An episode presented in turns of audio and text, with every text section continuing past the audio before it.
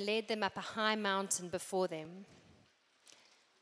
His face shone like the sun, and his clothes became as white as the light. Just then there appeared before them Moses and Elijah talking with Jesus. Peter said to Jesus, Lord, it is good for us to be here. If you wish, I will put up three shelters one for you, one for Moses, and one for Elijah. While he was still speaking, a bright cloud covered them, and a voice from the cloud said, This is my son, whom I love. With him I am well pleased. Listen to him. When the disciples heard this, they fell face down to the ground, terrified. But Jesus came and touched them. Get up, he said. Don't be afraid. When they looked up, they saw no one except Jesus. As they were coming down the mountain, Jesus instructed them Don't tell anyone what you have seen until the Son of Man has been raised from the dead. The disciples asked him, Why then do the teachers of the law say that Elijah must come first? Jesus replied, To be sure, Elijah comes and will restore all things, but I tell you, Elijah has already come, and they did not recognize him, but have done to him everything they wished. In the same way, the Son of Man is going to suffer at their hands. Then the disciples understood that he was talking to them about John the Baptist. This is God's word to us. Amen. Friends, um, we're going to welcome Lauren, who's our speaker. Can we just encourage her with a clap? Thank you. Good evening, Lauren. Good evening. How, How are you? Is the mic sounding fine? Lauren's mic? Are we all good? Yes. Great. Thank you. Fantastic. Um, could you please tell us a little bit about Lauren? Sure. Hi, everyone. It's lovely to be here. My name is Lauren. I serve at Christ Church Midrand, so that's where I've traveled from this evening. i am actually from Cape Town originally, which means I'm going to slip that in. Okay, someone from Cape Town. we see you. Um, been here for about seven years. I'm married to Gareth, and we have two children. We have a two year old, and we have an almost five year old. So that's a very big deal in our house at the moment. Sounds like a big deal indeed. Um, Lauren, before I let you proceed, I just want to give you guys a heads up that Bongani is at the back at the bookstore, our uh, pop up bookstore.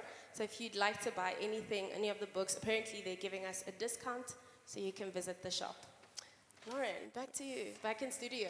um, can you share with us a little bit about the ministry that you do and how long you've been involved in it? Sure. Um, well, I mentioned we were from Cape Town. I was serving in full time children's ministry at a church in Cape Town. And my husband and I met at Bible College. And we knew that the dynamic of that is perhaps there would be seasons where one of us was in full time ministry and the other was working. But a friend from Christ Church Midrand, Midrand happened to be staying over heard that we were ready in the new season. My husband was dying to go back into full time ministry. So he put our CVs on the desk of the rector at Christ Church Midrand, who flew us up and gave us both full time positions. So, what a blessing. What a blessing. So, we joined the staff there in 2016. I started in children's ministry. Um, then, when I had children of my own, they allowed me to kind of adapt, do a bit of a mix and a match. So, I was running a training center for Sunday school teachers running kids clubs on the weekend. And now they've transitioned us, so my husband and I are now the youth workers, the youth pastors. As we speak, there are about 20 very loud teenagers in our house. um, so, yes, our ministry is teens. That is very brave. I'm yeah. very encouraged by the fact that you taught children's discipleship, because yeah. I know that's where you preach the real gospel. You so, know it. um, I have a, a, an out of the charts question for you, Lauren. We live in a social media age, and a lot of people are wanting to be influencers. I snuck this question in there because I want to know if you were to be a YouTuber or social media influencer, what would your niche be and why? This is such a great question. We do live in a social media age. Uh, I'm subscribed to the Vogue YouTube channel, and they have celebrities who come on and then do their makeup routine. And there's always these gorgeous, glamorous women who like, I'm a mom, I'm really busy. And then they do a 25 minute makeup routine. Okay. Okay. That, So my niche, and here's my claim to fame, I can do a full face in the one episode of Peppa Pig. So, I, my niche, thank you. Okay, she deserves a clap. I am not a mom yet, but I'm an aunt, and I know I cannot do anything Right. those kids are around. That would be my niche. Fantastic. Thank you, Lauren. Um, friends, let's just pray for Lauren before she shares the word with us. Thank you so much, Jesus, for womanhood and the gift that we have, special um, to be close to you, Lord, to be unashamed in how we approach you and how we ask for help and how we recognize our need for you. Thank you for Lauren and all that she will share with us today. Lord, we are confident that you have given her the words. May we hear her, Lord. May we hear you through her, Lord. I pray that the words that she will speak would be your words, that you would give her courage and boldness to speak the truth of the gospel. We thank you for the ways that your word changes us, transforms us, invites us into enjoyment and communion with you. In Jesus' name, amen. Thank you, thank you for that beautiful prayer, and thank you that I can be with you this evening.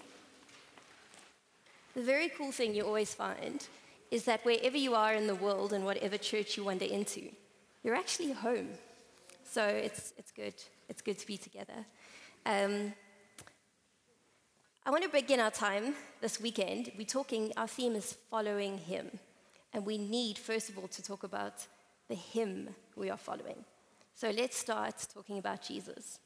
Uh, not a huge surprise, obviously, if we're going to start with Jesus, but it is an important place um, because what we need to do is He needs to be what fills our minds as we talk about everything else. It's no good following with all your determination if you don't know who you're following.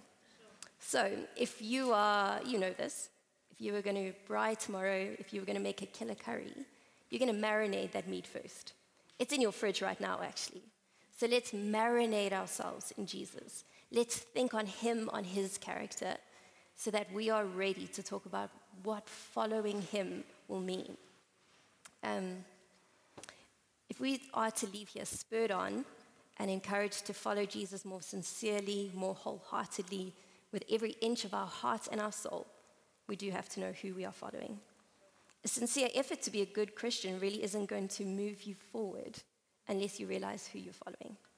So, let's talk about Jesus because what we mean here is having a relationship with Jesus, not knowing about him, but knowing him. It's the difference between knowing about someone because you stalk them online versus going to give him a hug because you know each other. Um, let's talk about Jesus so that we can know him more and love him more. Let's talk about Jesus so that more and more the picture in our heads of Jesus matches what the Bible tells us about Jesus. That really matters. Let's talk about Jesus so that when we are comforting our children through a difficult season where they are being bullied, where they are anxious, we can wholeheartedly tell them that Jesus is with them. That we don't vaguely feel like a, a fraud or giving them a pat answer. Let's talk about him. Um, let's talk about Jesus so that we can wholeheartedly and sincerely comfort our colleague whose mom has passed away unexpectedly. Let's talk about Jesus so that you are not shaken when your close friend who's always been a Christian starts questioning her, her faith or her singleness or her sexuality. See, the answer is to know Him. The answer to all these everyday things is actually Him. Jesus is the heart of the Christian faith. So let's talk about Jesus so that in every season of joy or pain or hope, um, our peace is not shaken. So, yes, and it's, it's surprising. We do need to keep talking about Jesus. It is surprising how quickly our understanding of him gets crowded out by the world, dulled a little bit. And we do need to keep refreshing that, keep clearing the windscreen wipers of our rainy windshield so we see him. Um, now, this is not just a remedial effort because we realize we've been a bit distracted. There is nothing better you can do for your own spiritual state than consider Jesus. You want to treat yourself? You're thinking on Jesus. Um, because as you do that, you will realize He is so much more, so much meatier, so much more compassionate, so surprisingly fierce. Um, and there's so much more to Him You know, there's um, a sequel. Perhaps you know the Alice in Wonderland stories. Um, the, the movie came out, one of the adaptations. Johnny Depp was the Mad Hatter in 2010. Um, now, that's actually based on the second book, which was called Through the Looking Glass. And the idea there is Alice goes back to Wonderland, and they're not quite sure it's her. They're a bit disappointed with her. And at one point, the Mad Hatter says to her, You're not, this, you're not the same as you were before. You were much, muchier. You've lost your muchness. and, and what he means is, I thought there was more to you. You're a bit of a disappointment, a letdown. And I think that sometimes we are worried that that is what is going to happen if we get too close to Jesus, if we, try, if we try heap too much weight on Jesus. You know, he was really great when I was a naive child. When he was bringing Jericho's walls down and stopping storms, that was great. And when I was an overly emotional teenager, that was good. And, and maybe I was a bit overexcited. But now, not entirely sure that he can handle the weight of my guilt and my suffering and the reality of how broken this world actually is.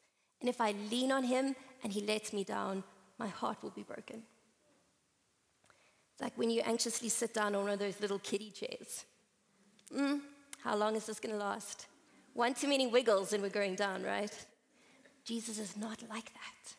He is much, much here. You have to know that about him else you will never fully put your weight on Him.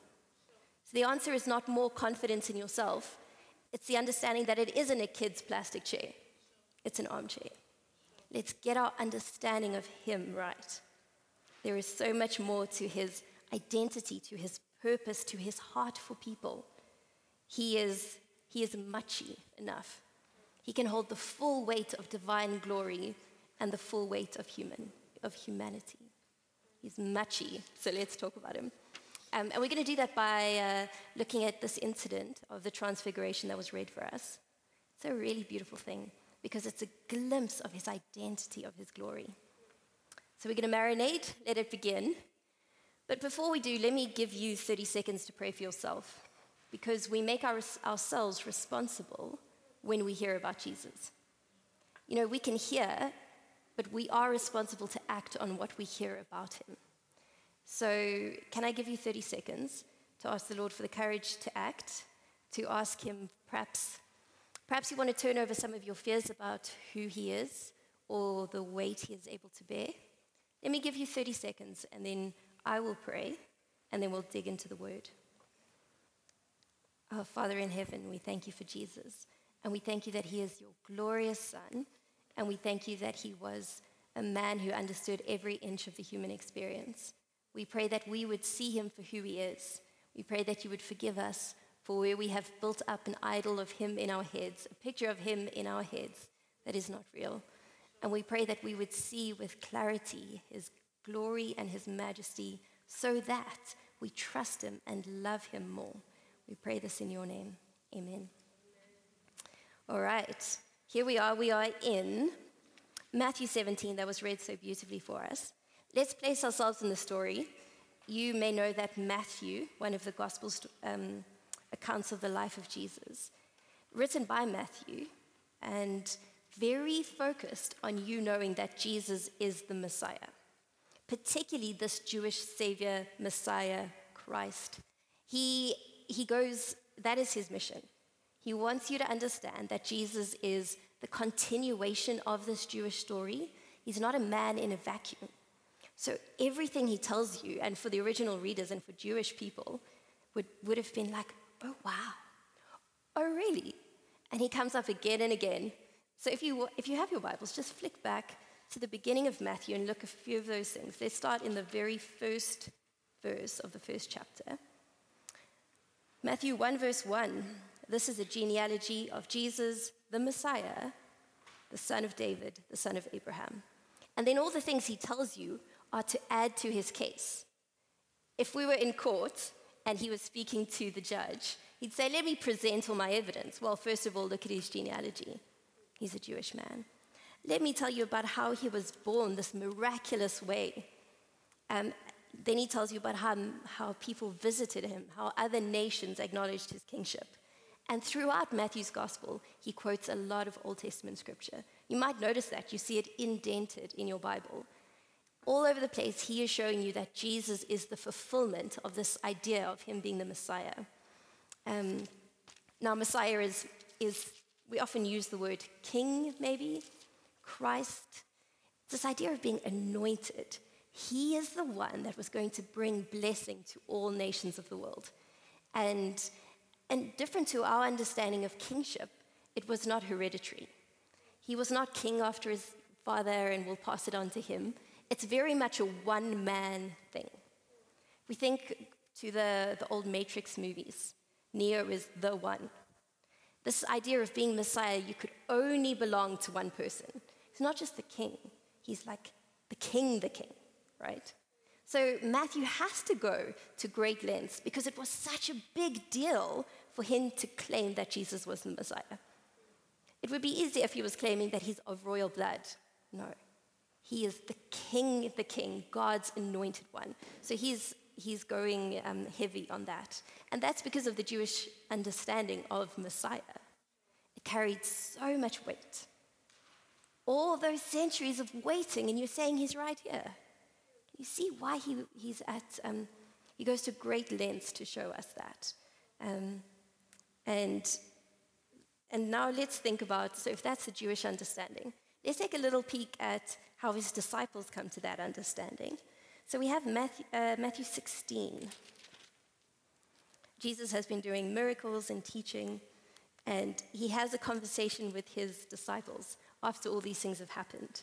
So from verse 13 of chapter 16, let me read for us. When Jesus came to the region of Caesarea Philippi, he asked his disciples, Who do people say the Son of Man is? They replied, Some say John the Baptist, some say Elijah, and still others, Jeremiah, one of the prophets. But what about you? He asked. Who do you say I am? Simon Peter answered, You are the Messiah, the Son of the living God. You are the Messiah, the Son of the living God. And Jesus, Jesus' response tells us that Peter's got it right. Blessed are you, Simon, son of Jonah. For this was not revealed to you by flesh and blood, but by my Father in heaven. Um, and he orders, verse 20, his disciples not to tell anyone that he was the Messiah, right? So he's, Peter's had this moment of understanding who Jesus is. Let's think about it this way I've got a, I've got a picture of a guy. Um, do you know who that is? Yeah. Do you know his name? Dwayne The Rock Johnson, one of the highest paid actors in the world. Now, let's say there's a scuffle at the door and suddenly, suddenly this huge dude walks in. Hmm. He sits down, and none of us want to be awkward. And um, we're going along, and we finish up here tonight, and they say, Ladies, please, we need to move these chairs because we just want to sweep. And he goes, Let me, ladies, picks up like 16 chairs with one arm, 16 with the other. Off he goes, and we're like, hmm, carries chairs like the rock. And then some kid gets in his way and he jokingly does like the wrestler yell at him, and we're like, he yells like the rock. Like, come on, okay. If he walks like the rock and carries chairs like the rock and yells like the rock. So someone here really bold is like, I'm gonna do it. And they go up. Hey, how are you doing? just just wondering, who are you? He goes, Who do you think I am? and you take, gather, gather all your evidence and you go, Are you the rock? Hey, right?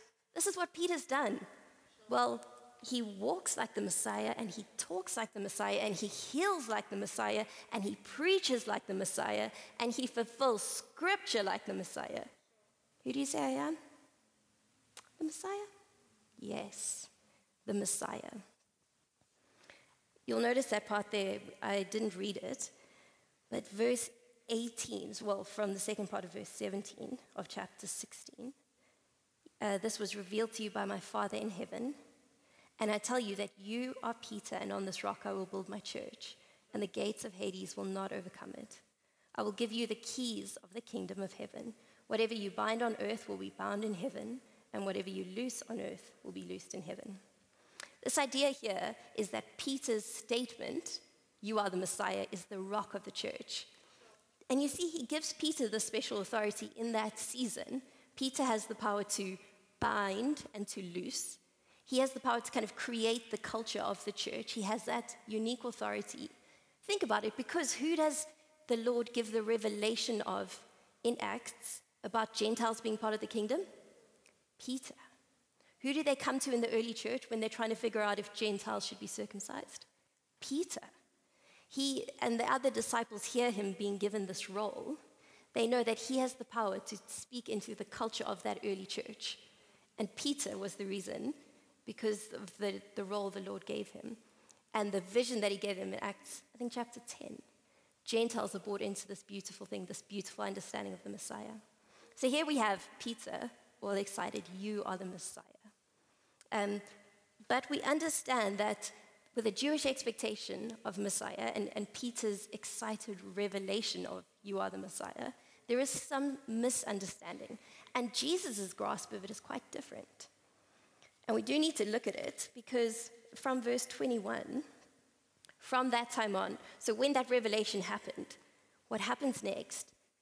Verse 21 From that time on, Jesus began to explain to his disciples that he must go to Jerusalem and suffer many things at the hands of the elders, the chief priests, and the teachers of the law, and that he must be killed and on the third day be raised to life.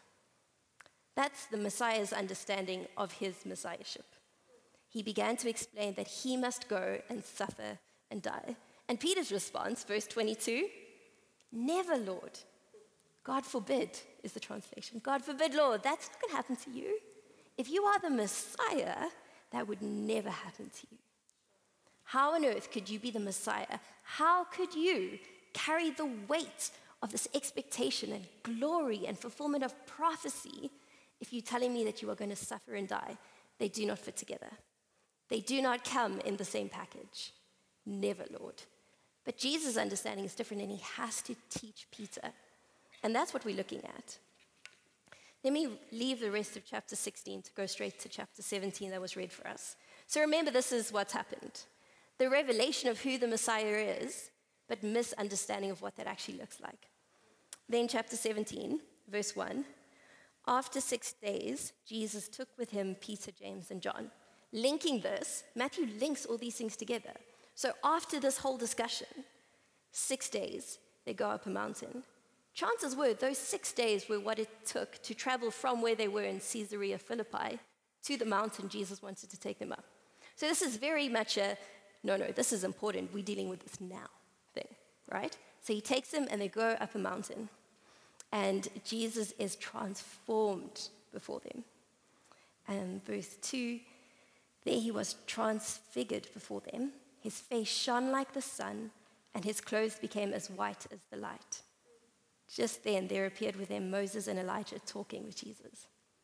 Um, some of the translations and, and some of the, the accounts of this in the other Gospels say, brighter. His clothes became brighter than anyone could bleach them.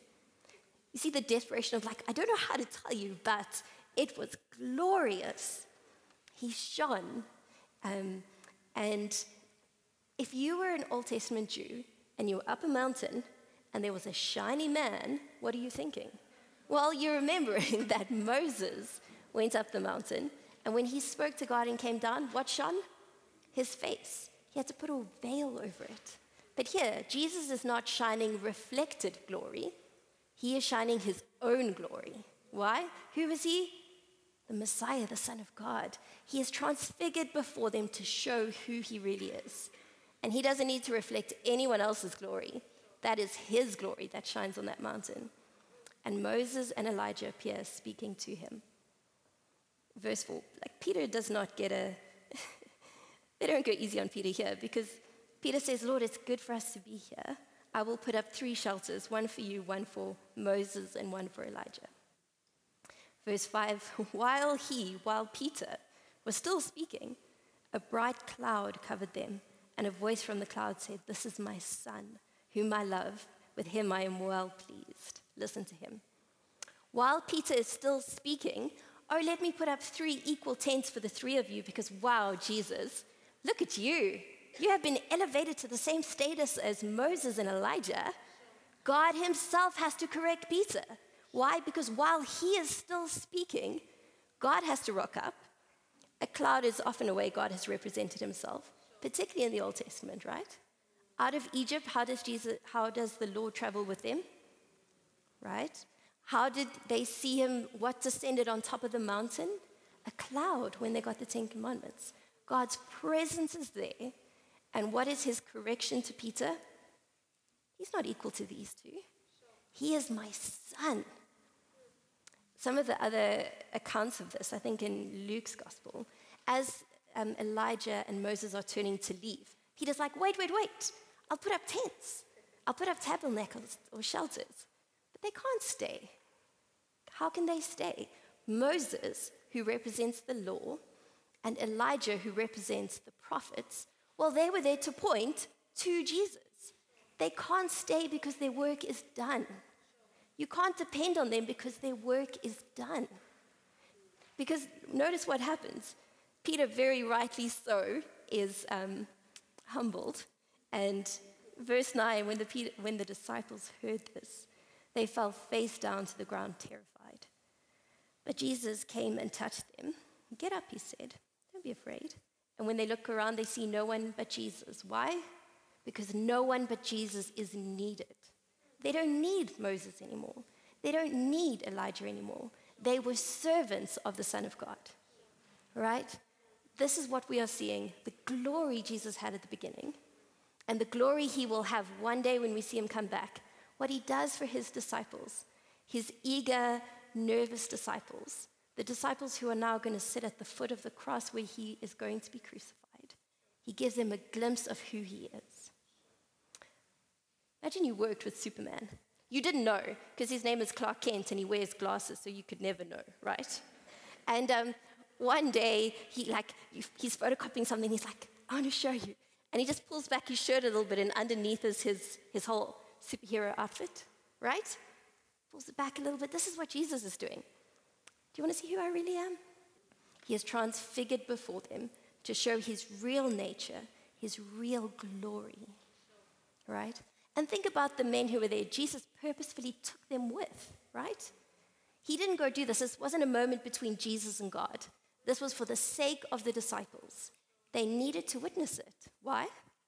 Because they knew that he was the Messiah, but they couldn't possibly understand that the Messiah had to suffer and die. Jesus had to let them know that the glorious Son of God is the Messiah who suffers and dies. The Son of Man, the man on the cross, in the same package. Only Jesus can be much enough to be both of those together. Um, and you notice that it really is his focus. Verse 9 when they're coming down the mountain, Jesus instructed them don't tell anyone what you have seen until the Son of Man has been raised from the dead. Do you see how this is heavily his focus? This is what he's, he's asking about.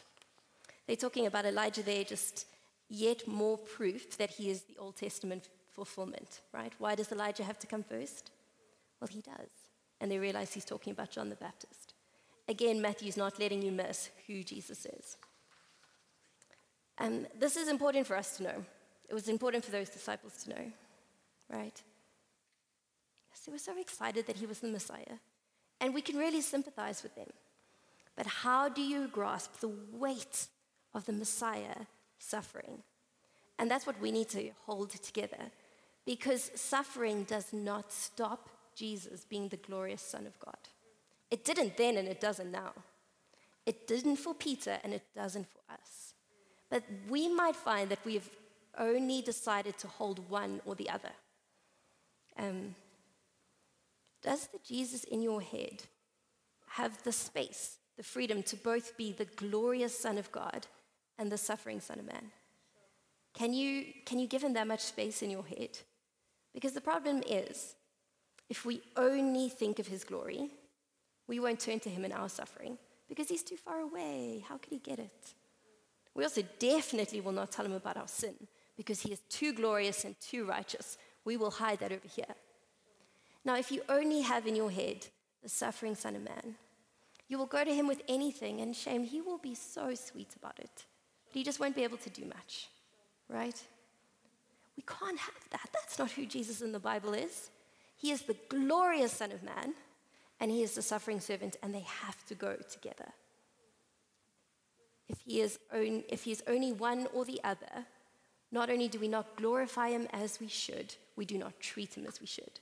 We do not confess sins, we do not hope for justice, we do not preach the gospel even, because that Jesus isn't big enough. He's either an unrelatable deity or a guy just like you and me, but he never swore. Right? Not good enough. Not what the Bible says about him. This means we have to be brutal in our own assessment of how Jesus looks in our head. And you have to be willing to submit and humble yourself under his own explanation of himself. Because you could say, but I don't really feel like that's true. That's not really how I've experienced him. That wasn't the measure of truth, though. Here is the measure of truth. And God, in His sovereignty, has allowed you to sit here tonight so that His truth tells you, I know He doesn't feel very big right now. And I know He feels like a sympathetic friend who can do nothing, but He is also the glorious Son of God. And God, in His sovereignty, has allowed you to sit here because maybe you are thinking He is so big and so far away that He could never know what you do on your phone at midnight, that He could never know the way you speak to your children when your husband isn't home, that He could never right all the wrong that has been done. But if, if the hope we have is only for a God who can make our feelings feel a bit better in the moment, we have no hope at all. We have to submit ourselves, humble ourselves, give up our own understanding, and take on his understanding and explanation of himself. So that's the first thing. We need to be brutal. Maybe we need to go to the Lord and ask him to expose where we have thought of him wrong. Because the terrifying thing is, that's the sin of making an idol. If you take Jesus but form him to look the way you want him to look, the way that fits into your boundaries and your politics, you've just created an idol. And that Jesus will definitely let you down because he doesn't exist anywhere outside of your own head. And we need to ask the Lord to, to expose to us where we may have done that. The second thing we need to do is to make peace for the fact that our Messiah is a suffering Messiah in the context of a suffering world. The suffering does not mean that this isn't working. I tried the Christian thing, but yo, it didn't really seem to do much, right? Well, unfortunately, the Jesus you submitted to yourself to is a suffering servant in the context of a suffering world. That's what you're signing up for. And that's why this message of his glory is for your comfort. Because he goes, I know what it looks like.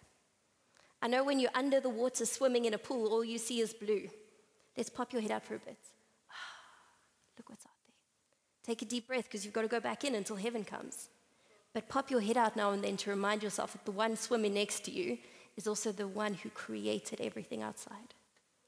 That is who we are humbling and submitting ourselves to. I want us to finish off from thinking of this. Let's think of a few ways to assess our own understanding of Christ. Maybe there are a few measures that we can look for in our own thinking, in the way we pray, in the way we comfort people, that can show us how we are thinking of Jesus and whether it lines up with this glorious Son of God. First thing is here when a friend sits with you, or I said I'm in teen ministry, we're going through a season where so many teenagers are coming forward with stories of horrific abuse. More than I've ever heard in 10 years of ministry in this last term. And when you hear things like that, when a friend opens up to you about her story, when you read about horrific events in the news, do you sit next to that person and take on the weight of that anger at injustice, which is a right reaction, by the way? But then do you turn into God and give it to Him? Or do you kind of harbor it here? Just in case one day you need a reason to be cross with God. Just in case one day He lets you down and you go, ah, I knew you would because you let this suffering happen. And we can do that, and you find what a measure is, is you've come, you've been exposed to the suffering. Perhaps it's even your own suffering. And instead of turning to him with it and asking about it, you kind of turn your back on him a little bit and hide it here as, as an insurance for yourself if you ever needed a reason to run away from him. You can't store it up and use it against him one day. It doesn't work like that. And you need to check that you're not doing that. You need to check that you're not angry at the version of God you created in your head who, who doesn't seem to have anything to do with suffering. Not this Jesus. He is the suffering Messiah in the context of a suffering world. Another measure you might be able to use for yourself is if you are able to come to church on a Sunday after a horrific week and you are so discouraged by yourself. And are you still able to sing true things about God because you know that they're true? Are you willing to sacrifice your feelings for the sake of the truth about God and still sing them? Still pray them? Still tell them to your children? Are you willing to believe that truth is over and above your feelings and your feelings, particularly about suffering?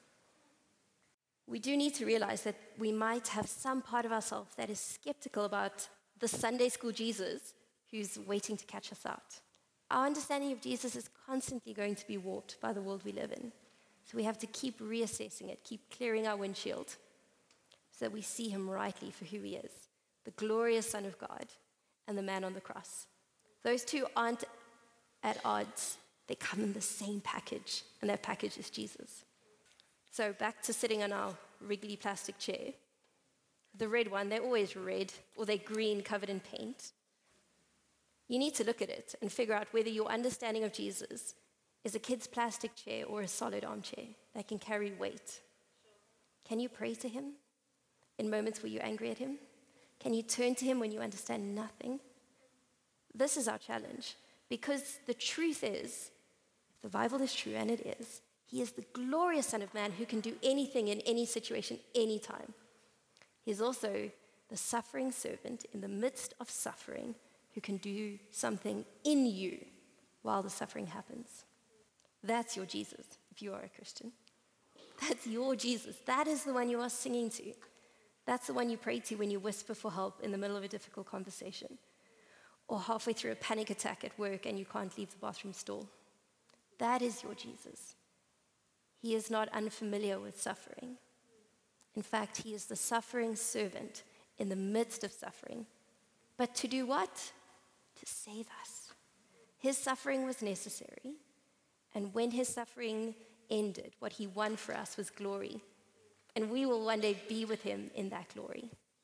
And for the rest of the weekend, we'll talk about following him faithfully following him now until we're in that glory with him. But we have to first start with him. If you've ever been on a hike, I go on hikes very unwillingly. Turns out, it just turns out I'm massively unfit. And we went for a hike with our best friends, and he, he was missioning off, right? Devin does not stop. And he, he, they were living in the Drakensberg, and there was uh, there's a mountain called Slang, Slanghoek? Slanghoek? Anyway, he'd been wanting to do it. And he's like, come guys, let's do it. We'll just get up early. Turns out Devin is ridiculously fit and had been living in that altitude the whole time. Off he goes. At one point, I think I begged to be left on the mountain. I was like, I don't even care if you send a rescue helicopter at this point, I am done. But because he was going and he knew there was a top, we got there. But you had to keep his eyes on your eyes on his little Nike trainers going up ahead of you, right? Jesus has run this race for us. And we'll talk about this. We're going to be in Hebrews tomorrow. We will talk about this. He has run this race for us. But make sure you know what the one you're following looks like. It would be a disaster if I followed the wrong Nike trainers. I'd be yelling at the wrong person when I was still halfway up the mountain, then, right? Know who you are following. Um, and that is the Jesus in Matthew 17. Glorious, glorious. Should we pray to him? Let's take a moment, let's take a deep breath. And then we pray to him on our behalf. Our glorious Jesus, Son of God, Messiah, all those titles belong to you. And we can't even begin to understand the weight of what they mean. We can't even begin to understand all the intricacies you, God, linked together when you made Jesus the fulfillment of all of those. But we trust and are excited by the fact that one day we will. But for now, we acknowledge your messiahship, your glory, and we praise you that suffering did not dull your glory. Suffering did not undo your glory. And we trust in who you are to get us to where we need to be. Please help us. Please convict us and challenge and change us. and bring us again to your feet in submission. We pray this in Jesus' name. Amen.